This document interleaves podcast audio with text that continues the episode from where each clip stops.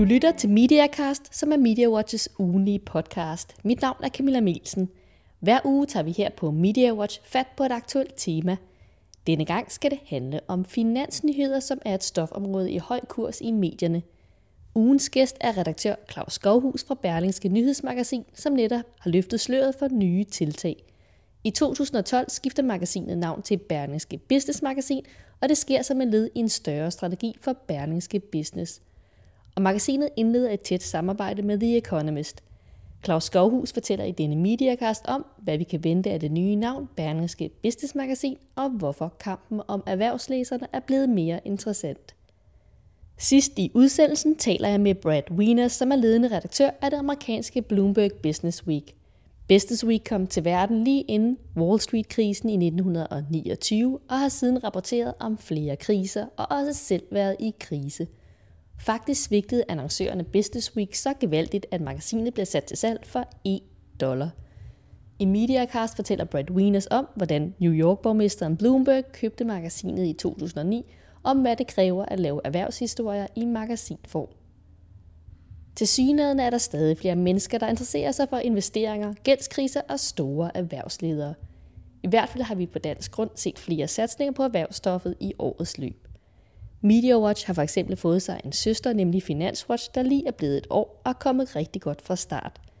Den nye radiostation 24 har lanceret et dagligt program om aktier og investeringer, nemlig Millionærklubben, som henvender sig til en bred gruppe af mennesker, der har en investeringssjæl i sig. Og det klassiske erhvervsmedie Børsen har i 2011 foretaget sig et redaktionelt ryg. I 2012 kommer turen så til Berlingske Nyhedsmagasin. Jeg har mødt redaktør Claus Skovhus for at høre, hvordan magasinet skærper profilen i kampen om erhvervslæserne. Berlingske Nyhedsmagasin har netop meldt ud, at I skifter navn til Berlingske Business Magasin. Hvorfor gør I det? Jamen det er, fordi vi gerne vil have, at nyhedsmagasinet bliver et øh, fuldgyldigt medlem af øh, Berlingske Business-universet.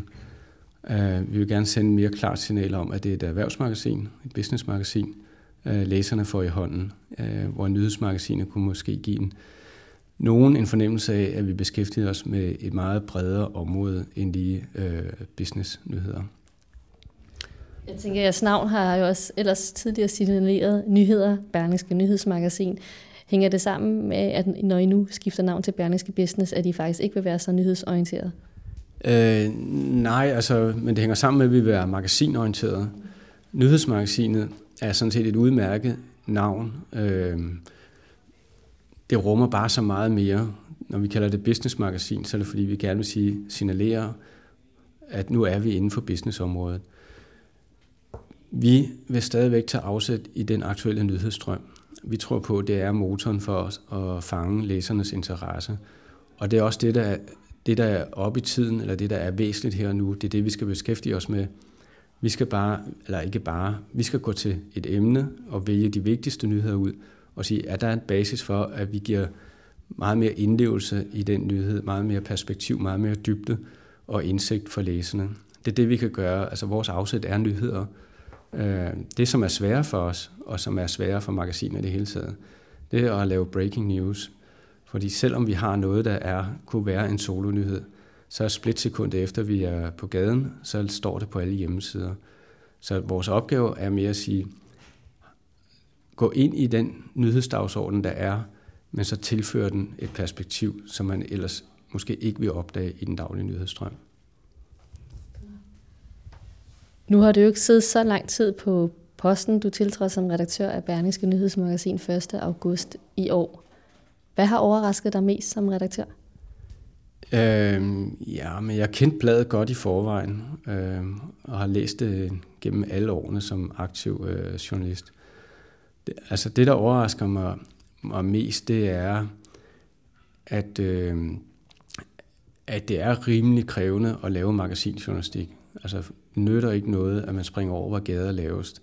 Øh, eller bare skynder sig at skrive en historie, og så tror den er god nok. Man har nogle større forventninger til magasinjournalistikken, og især til krævende beslutningstagere. Mange af dem, vi skriver om, eller når vi går ind i et emne i magasinet og siger, at nu vil vi give det dybde, så sidder der nogen på den anden side, øh, som er arbejder inden for området og ved meget mere end os. Så det er kunsten jo, at vi går ud og postulerer, at vi giver perspektiv, indlevelse, indsigt og globalt udsyn. Og så sidder der nogle modtagere, som læser lange rapporter om det samme emne.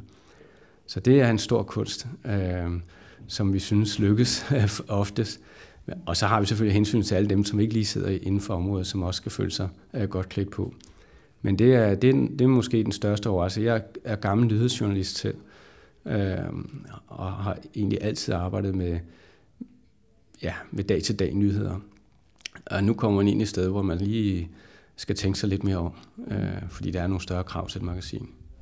Men hvis, hvis dit mål så ikke for, for øh, Berlingske Nyhedsmagasin er at levere breaking news hver uge og sætte dagsordenen, hvad er så målet for dig? Ja, altså målet er stadigvæk at sætte dagsordenen, og det mener jeg også, det kan man gøre, selvom der har været en nyhedsvinkel i medierne, så er det stadigvæk muligt at, at gå ind i den nyhed, og så få den beskrevet på en ny måde. Og på den måde kan du sætte en dagsorden, og på den måde skaber du også nye nyheder, kan du sige. Øh, målet er også at få breaking news, hvis vi kan få det. det er, min pointe er mere den, at selvom vi har en breaking news, så vil der gå to sekunder, så vil den være ude på alle platforme. Så vi skal gå ind, når vi går ind i et emne, så er det vigtigere for os, at vi sørger for, at læserne bliver rigtig klædt på inden for den nyhed, at vi skaber et større perspektiv, vi øh, får tingene øh, til at pege fremad, og hvordan kan man, når der sker den her begivenhed, hvad sker der så i, i morgen, kan du sige. Så vi vil, vi vil stadig, vores afsæt er nyheder, og vi vil også gerne lave nyheder, men vi skal tænke det på en anden måde end en, den mere klassiske dag-til-dag nyhedsjournalistik. Nu forventer du også lidt, eller nu har du hørt, at dine læser er, er generelt meget globalt mindet, de har et globalt mindset. Øh, hvad med jer selv på redaktionen, når I skal udvikle Berlingske Nyhedsmagasin? Kigger I så også udenlands for, for at finde nogle gode magasinforbilleder eller andre medier, der, der formår at levere finansstof i magasinform? Ja, altså vi er, vi er meget orienteret mod øh, andre medier, men også, altså også, du kan sige, researchhuse i udlandet. Øh, de kilder, vi vælger, altså vi, dem vi taler med, kan lige så godt være en beslutningstager i Tyskland, eller en professor i Tyskland som en professor i København. Så på den måde prøver vi at udvide vores kildenet, så det ikke er tordenskjold soldater, der går igen, men vi vil, gerne have, vi vil egentlig gerne have hele verden som vores øh, kildenet øh, med. Så det er der, vi skal hente noget inspiration. Ja, og hvem gør det så rigtig godt? I, øh, i, på den internationale scene, Jamen, det gør Economist. De gør det jo rigtig godt. så ja, det er dem, vi gerne vil. Det er, det er ikke fordi, vi skal lave Economist i Berlingske Nyhedsmagasin, men vi vil gerne have elementer i vores magasin, som er mere i den retning. Men altså, det er, altså, man kan jo bare mærke, at forskellen på et, et, det danske sprog og det engelske sprog, altså når du kommer ud i et engelsk øh, sprogområde, så har du meget større oplag, mange flere ressourcer. Så lige med, ligegyldigt hvilket businessmagasin i udlandet, du tager fat i, så kan du blive inspireret. Man kan sige, så er I jo heldige, at de har Berlingske i ryggen til at så ikke på den måde er afhængig af, af, af tryk på samme måde, som da Berlingske Nyhedsmagasin skulle, skulle sælges i, i kioskerne. Men hvad er den største trussel for magasinet? Jamen, den, den største trussel for magasinet, det er, hvis folk ikke gider have det. Altså, hvis det ikke er nødvendigt og væsentligt for, for målgruppen. Så kan man sige, så, så den rent økonomiske trussel, det er jo, at, der ikke er, at vi ikke er stærke nok til at øh, tiltrække relevante annoncører.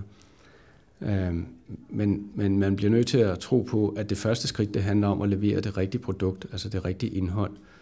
Og så kommer annoncørerne forhåbentlig med sig, øh, eller med, fordi de ser, at vi har fat i den rigtige målgruppe.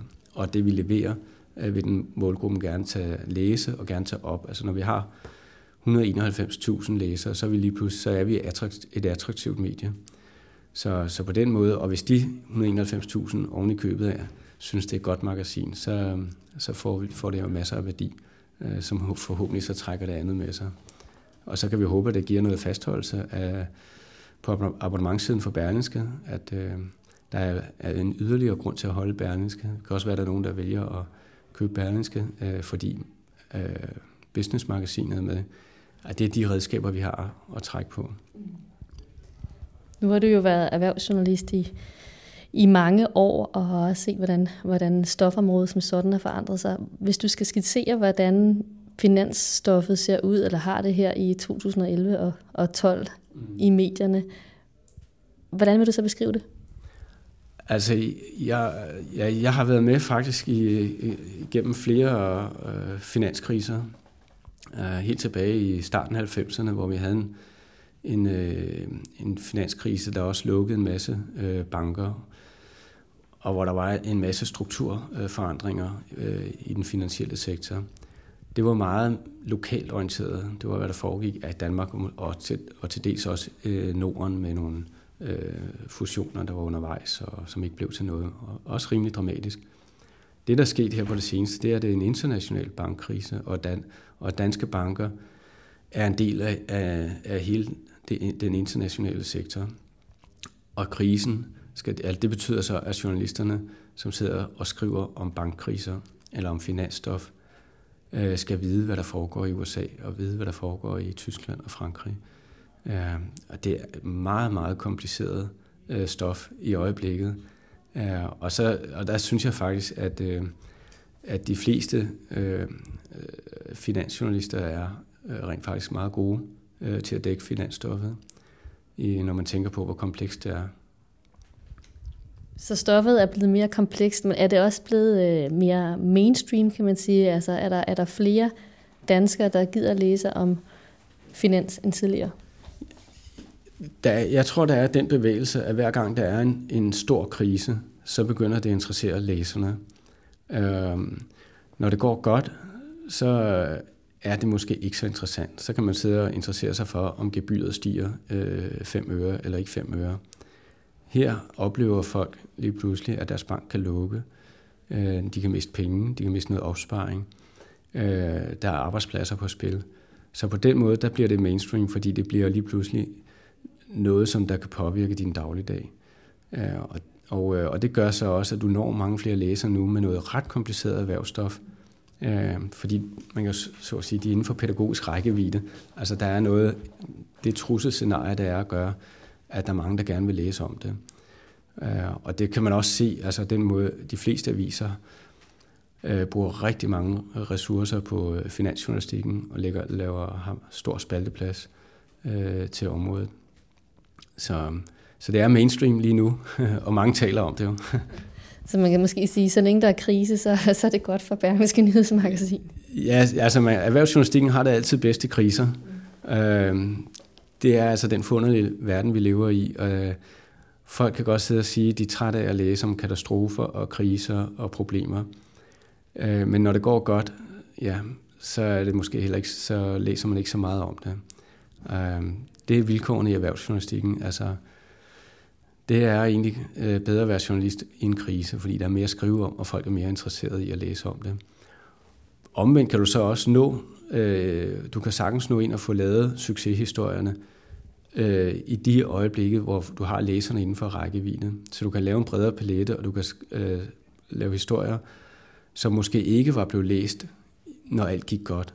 Nu har du altså dem inden for rækkevidde, og så kan du også, og det ser man også, at der vil være, der er der er øh, finanshistorier, som peger på øh, den rigtige retning, eller nogen, der har skabt succes i øh, den her krise. Og, øh, der er øh, profilhistorier på beslutningstagere, som ellers ingen ville høre om tidligere, fordi ja, det kører bare øh, business as usual. Men du siger det der med, at der er flere aviser eller medier, der, der satser på erhvervslæserne. Oplever du, at kampen om erhvervslæserne er blevet skærpet og hårdere? Ja, det synes jeg. Altså, altså den, den er... Øh, den er hårdere, øh, og det er også fordi de store nyheder er inden for finansjournalistikken eller erhvervsjournalistikken nu. Altså når der er øh, en krise i dansk erhvervsliv eller i erhvervslivet i det hele taget, så har det enorme konsekvenser for den enkelte dansker. Øh, det kan være tab af arbejdspladser, men det er også din pension, der bliver forringet. Øh, øh, din aktier falder osv. Øh, så på den måde, øh, så er der en meget, meget større interesse for erhvervsjournalistikken. Og det betyder noget for aviserne på den måde, de prioriterer på. Altså bliver der flyttet ressourcer ind, og der opstår nye medier øh, inden for området, øh, altså øh, netmedier også. Så man kan næsten sige, det er i starten af 90'erne op, opstod der også lige pludselig en række nye øh, Øh, medier, da der var krise med øh, elektroniske medier, som øh, hvad det hedder, øh, øh Reuters lavede en dansk tjeneste på det tidspunkt. Øh, og nu ser vi Finanswatch komme op i, øh, i, i øh, ja, som ligger under MediaWatch pakke også. Ikke? Så på den måde opstår der nye medier i krisetider inden for særlige områder. Og tror du, vi vil se endnu flere medier? Altså man kan sige, nu, nu øh, på det elektroniske område, så har vi også set, at, øh, at Radio 24 også har lanceret et dagligt program. Millionærklubben, som, øh, som man kan høre hver dag klokken 9, som, hvor man diskuterer, diskuterer aktieinvesteringer. Ja. Men, ja, men det tror jeg, det, det, det vil vi se. Men det tror jeg også, vi vil se efter krisen, at der vil komme flere øh, niche øh, øh, udsendelser og produkter. Øh, når det først er født, så bliver det der også. Øh, og, og jeg vil tro, at man... Øh, alle medier lærer noget af, af, af en hård konkurrence og en krisetid på, øh, inden for et stofområde. Så vi kommer nok til at se øh, flere specialmedier, øh, som kan tage som øh, ja, niche-medier som, som MediaWatch og Finanswatch og hvad der ellers dukker op. Jeg tror også, vi vil se det andre steder, at der dukker øh, nye medier op, som holder fast i en særlig branche. Øh, og det, det er altså dem, vi kan tilbyde noget ekstraordinært øh, indenfor. Så ja, jeg tror, der kommer flere specialmedier. Og undskyld, jeg også har flere udsendelser. Jeg tror også, de kommer ind på hovedkanalerne på et tidspunkt, hvor øh, Danmarks Radio TV2 vil også tro kommer til at lave noget mere øh, erhvervsjournalistik i en, i en anden form, end de gør i dag. Tak skal du have. Tak til ugens gæst, Claus Skovhus. Og nu skal det handle om det måske mest hæderkronede erhvervsmagasin, Bloomberg Business Week. Jeg har mødt Brad Wiener, som er ledende redaktør af Bloomberg Business Week. Han var for nylig i Danmark for at researche til en feature-historie om Lego, som er på vej med en større satsning. Hvad Lego pynser på, skal jeg ikke afsløre her. Det kommer til at stå i Bloomberg Business Week. Da jeg talte med Brad Wieners, var han stemme ramt af den danske kulde. Jeg startede med at spørge ham, om han på Bloomberg Business Week mærker, om der er en voksende interesse for erhvervsstof. Well, it's hard to answer um, in the affirmative, which I'm going to, I do think that there is uh, more intense interest than ever in business as news and a story without sounding a bit self-serving, as if we just discovered this. But we didn't discover it. I think it's true that, that there is more excitement around uh, markets and and business. Partly, it's not a good story right now. There's so much crisis that people are very, very concerned what happens next? Where's my investment going to go? You know, am I going to be wiped out? So, part of what's driving this, I think, is anxiety. But on the positive side, I think you have lots of emerging markets where people who didn't invest globally before are, and then they're they are um, extending their exposure, but also their potential for for growth from Asia and uh, Latin America. Uh, there's just there's for for Bloomberg especially people who are installing the Bloomberg terminal to follow the markets. It's it's that's that's a moment when they are getting serious about their portfolios on a global scale. Yeah, so I'm just thinking that with globalism, everything has mm. become more complex in a mm. way, and perhaps you need some kind of media to interpret and edit what's going on in the world. Well, I think you you you're ready for a position uh, presenting Bloomberg to uh, to new customers because that's that that is that is our proposition is that you can't now imagine that your business is in isolation. Everything from supply chain to to markets to your investments that are independent from your own business are affected by international events, and uh, our our uh, our task is to try to create a way to take that on without being out of your mind. I think there's a lot of question about the relevance of reading longer pieces. Nobody has time for this, and so on. Um, but in fact, that is where you get some crucial context and insights that um, that may really help you to succeed in your business, to understand the forces that are acting on your sector, to understand uh, what what is in the mind of a consumer that uh, you can't probe in in 500 words. So please tell me the story of how Bloomberg purchased Business Week. Well, it's almost been uh, two years now, and um, Business Week was uh, quite an august publication. It's more than 75 uh, years old in the U.S., but uh, especially during the 2008 uh, recession, it was going down very fast. It was losing, I think, 50, 60 million dollars uh, per year.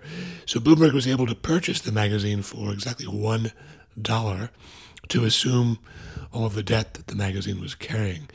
And uh, they already had one print magazine at Bloomberg, Bloomberg Markets, which is a monthly. Business Week, as you can tell from the title, is a, is a weekly.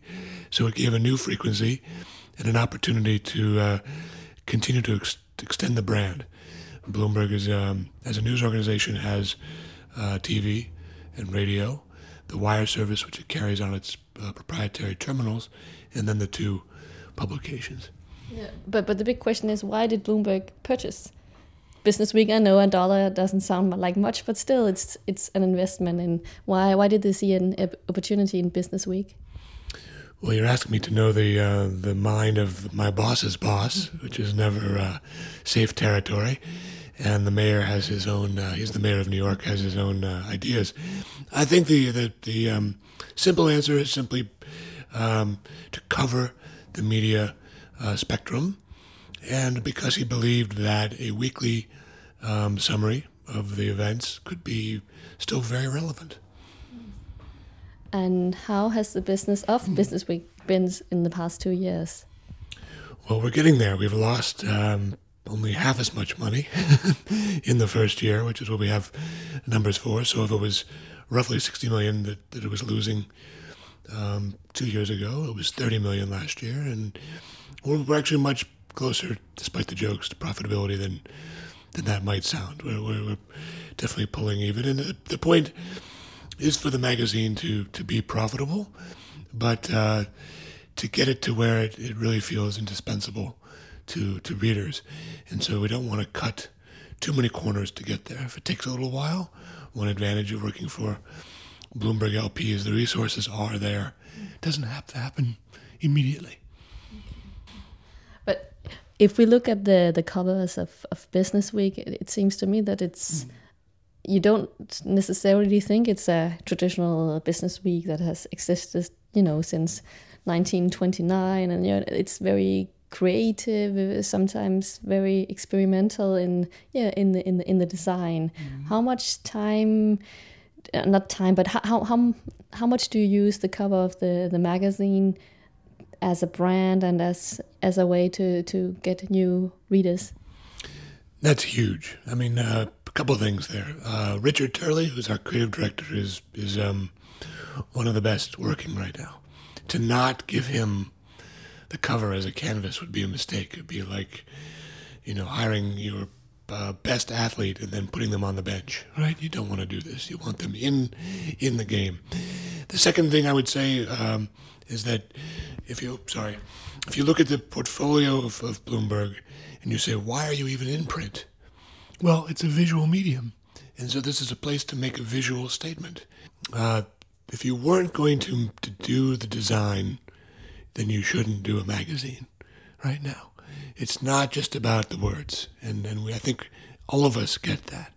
A magazine is about editorial ideas, but it's about giving expression in print to those ideas. And if you're not going to go and do that in a bold way, then stick to radio.